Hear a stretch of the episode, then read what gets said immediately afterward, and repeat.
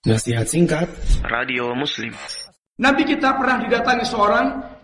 Ini seorang sahabat datang Ya Rasulullah Kulli fil islami Qawlan La as'alu anhu ghaira.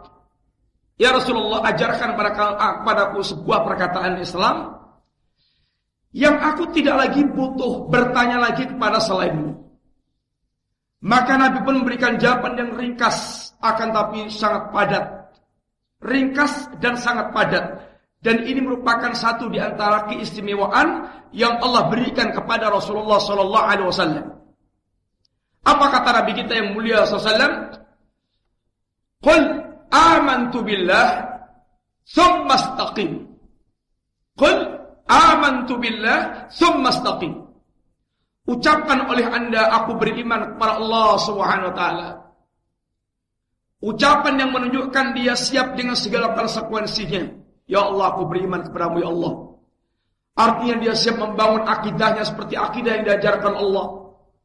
Dia siap untuk tunduk dan patuh kepada Allah Azza wa.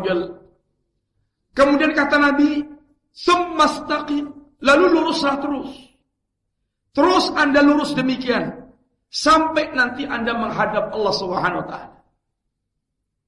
Kalimat ringkas padat akan tapi tentunya kalau diurai pun sebanyak ajaran Islam yang diajarkan oleh Rasulullah sallallahu alaihi wasallam.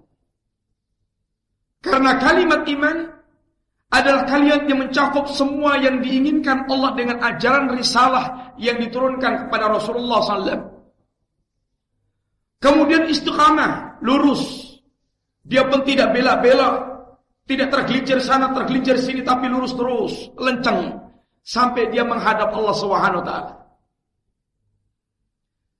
Demikian pula Nabi kita mengajarkan bahwa amal yang paling dicintai Allah itu amal yang dawam, yang terus-menerus, yang terus berlanjut, berkelanjutan.